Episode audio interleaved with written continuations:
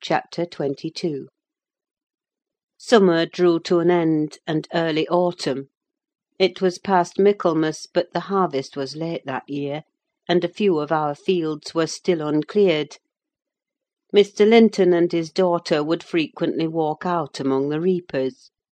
At the carrying of the last sheaves they stayed till dusk; and the evening happening to be chill and damp, my master caught a bad cold, that settled obstinately on his lungs, and confined him indoors throughout the whole of the winter, nearly without intermission. Poor Cathy, frightened from her little romance, had been considerably sadder and duller since its abandonment; and her father insisted on her reading less and taking more exercise. She had his companionship no longer: I esteemed it a duty to supply its lack, as much as possible, with mine: an inefficient substitute, for I could only spare two or three hours from my numerous diurnal occupations to follow her footsteps; and then my society was obviously less desirable than his. On an afternoon in October, or the beginning of November, a fresh, watery afternoon, when the turf and paths were rustling with moist, withered leaves, and the cold blue sky was half hidden by clouds, dark grey streamers rapidly mounting from the west, and boding abundant rain, I requested my young lady to forego her ramble, because I was certain of showers. She refused, and I unwillingly donned a cloak, and took my umbrella, to accompany her on a stroll to the bottom of the park: a formal walk which she generally affected if low spirited; and that she invariably was when Mr. Edgar had been worse than ordinary: a thing never known from his confession, but guessed both by her and me from his increased silence and the melancholy of his countenance. She went sadly on: there was no running or bounding now, though the chill wind might well have tempted her to race; and often, from the side of my eye, I could detect her raising a hand and brushing something off her cheek. I gazed round for a means of diverting her thoughts. On one side of the road rose a high, rough bank, where hazels and stunted oaks, with their roots half exposed, held uncertain tenure: the soil was too loose for the latter, and strong winds had blown some nearly horizontal. In summer Miss Catherine delighted to climb along these trunks, and sit in the branches swinging twenty feet above the ground; and I, pleased with her agility and her light, childish heart, still considered it proper to scold every time I caught her at such an elevation, but so that she knew there was no necessity for descending. From dinner to tea she would lie in her breeze rocked cradle, doing nothing except singing old songs (my nursery lore) to herself, or watching the birds, joint tenants, feed and entice their young ones to fly; or nestling with closed lids, half thinking, half dreaming, happier than words can express. "Look, Miss!" I exclaimed, pointing to a nook under the roots of one twisted tree. "Winter is not here yet: there's a little flower up yonder, the last bud from the multitude of bluebells that clouded those turf steps in July with a lilac mist. Will you clamber up and pluck it to show to papa?" Cathy stared a long time at the lonely blossom trembling in its earthy shelter, and replied at length, "No, I'll not touch it. But it looks melancholy, does it not, Ellen?" "Yes," I observed, "about as starved and suckless as you: your cheeks are bloodless. Let us take hold of hands and run. You're so low, I daresay I shall keep up with you." "No," she repeated, and continued sauntering on, pausing at intervals to muse over a bit of moss, or a tuft of blanched grass, or a fungus spreading its bright orange among the heaps of brown foliage; and ever and anon her hand was lifted to her averted face. "Catherine! why are you crying, love?" I asked, approaching and putting my arm over her shoulder. "You mustn't cry because papa has a cold: be thankful it is nothing worse." She now put no further restraint on her tears: her breath was stifled by sobs. "Oh, it will be something worse!" she said. "And what shall I do when papa and you leave me, and I am by myself? I can't forget your words, Ellen: they are always in my ear. How life will be changed, how dreary the world will be, when papa and you are dead!" "None can tell whether you won't die before us," I replied. "It's wrong to anticipate evil. We'll hope there are years and years to come before any of us go. Master is young, and I am strong and hardly forty five. My mother lived till eighty, a canty dame to the last. And suppose Mr. Linton were spared till he saw sixty: that would be more years than you have counted, Miss. And would it not be foolish to mourn a calamity above twenty years beforehand?" "But Aunt Isabella was younger than papa," she remarked, gazing up with timid hope to seek further consolation.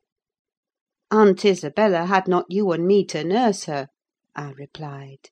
"She wasn't as happy as master: she hadn't as much to live for. All you need do is to wait well on your father, and cheer him by letting him see you cheerful; and avoid giving him anxiety on any subject: mind that, Cathy. I'll not disguise but you might kill him if you were wild and reckless, and cherished a foolish, fanciful affection for the son of a person who would be glad to have him in his grave; and allowed him to discover that you fretted over the separation he has judged it expedient to make." "I fret about nothing on earth except papa's illness," answered my companion. "I care for nothing in comparison with papa; and I'll never, never, oh, never, while I have my senses, do an act or say a word to vex him. I love him better than myself, Ellen; and I know it by this: I pray every night that I may live after him, because I would rather be miserable than that he should be. That proves I love him better than myself." "Good words," I replied; "but deeds must prove it also; and after he is well, remember you don't forget resolutions formed in the hour of fear." As we talked, we neared a door that opened on the road, and my young lady, lightening into sunshine again, climbed up and seated herself on the top of the wall, reaching over to gather some hips that bloomed scarlet on the summit branches of the wild rose trees shadowing the highway side. The lower fruit had disappeared, but only birds could touch the upper, except from Cathy's present station. In stretching to pull them, her hat fell off, and as the door was locked, she proposed scrambling down to recover it. I bid her be cautious lest she got a fall, and she nimbly disappeared. But the return was no such easy matter: the stones were smooth and neatly cemented, and the rose bushes and blackberry stragglers could yield no assistance in reascending. I, like a fool, didn't recollect that, till I heard her laughing and exclaiming, "Ellen, you'll have to fetch the key, or else I must run round to the porter's lodge. I can't scale the ramparts on this side." "Stay where you are," I answered. "I have my bundle of keys in my pocket: perhaps I may manage to open it. If not, I'll go."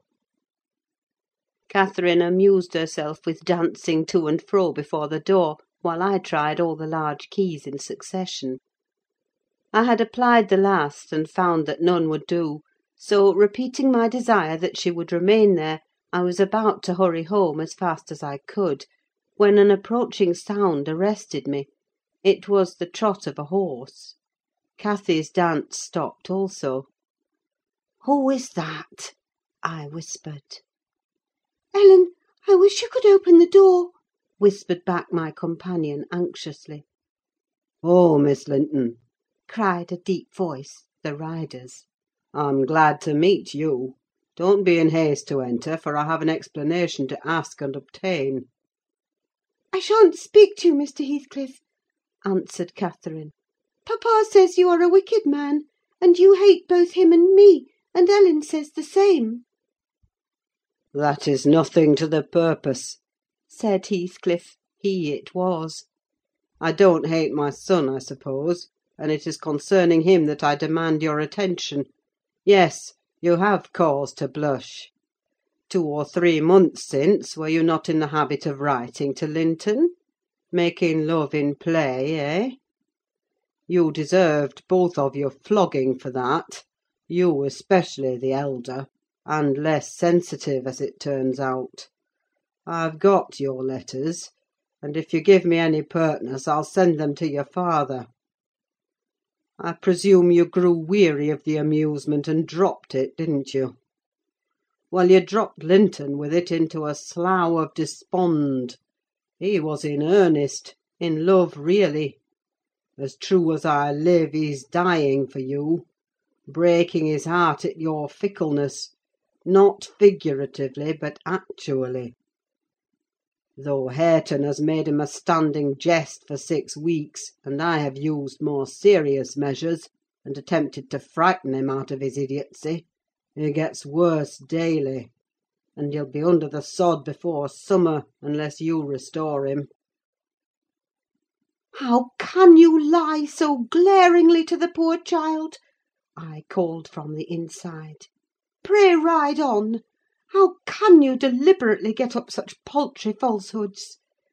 Miss Cathy, I'll knock the lock off with a stone: you won't believe that vile nonsense.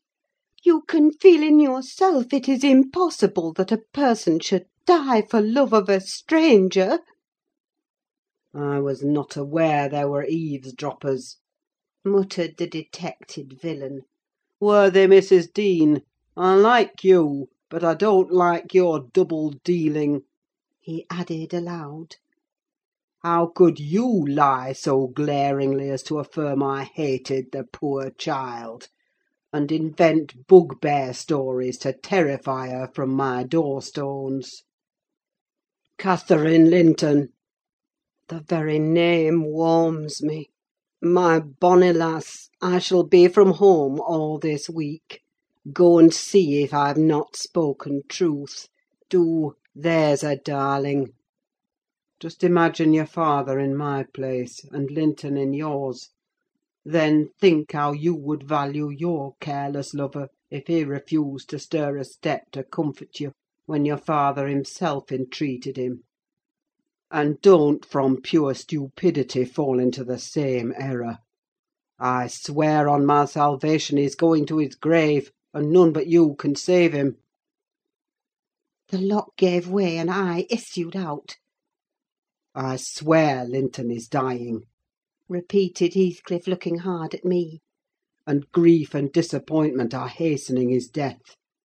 Nelly, if you won't let her go, you can walk over yourself; but I shall not return till this time next week, and I think your master himself would scarcely object to her visiting her cousin. "Come in," said I, taking Cathy by the arm, and half forcing her to re enter; for she lingered, viewing with troubled eyes the features of the speaker, too stern to express his inward deceit. He pushed his horse close, and bending down, observed, "Miss Catherine, I'll own to you that I've little patience with Linton, and Hareton and Joseph have less. I'll own that he's with a harsh set: he pines for kindness as well as love; and a kind word from you would be his best medicine. Don't mind Mrs. Dean's cruel cautions, but be generous, and contrive to see him. He dreams of you day and night, and cannot be persuaded that you don't hate him, since you neither write nor call." I closed the door, and rolled a stone to assist the loosened lock in holding it; and spreading my umbrella, I drew my charge underneath; for the rain began to drive through the morning branches of the trees, and warned us to avoid delay. Our hurry prevented any comment on the encounter with Heathcliff, as we stretched towards home; but I divined instinctively that Catherine's heart was clouded now in double darkness. Her features were so sad, they did not seem hers: she evidently regarded what she had heard as every syllable true. The master had retired to rest before we came in. Cathy stole to his room to inquire how he was: he had fallen asleep. She returned, and asked me to sit with her in the library. We took our tea together, and afterwards she lay down on the rug, and told me not to talk, for she was weary. I got a book, and pretended to read. As soon as she supposed me absorbed in my occupation, she recommenced her silent weeping. It appeared, at present, her favourite diversion. I suffered her to enjoy it awhile; then I expostulated deriding and ridiculing all Mr. Heathcliff's assertions about his son, as if I were certain she would coincide.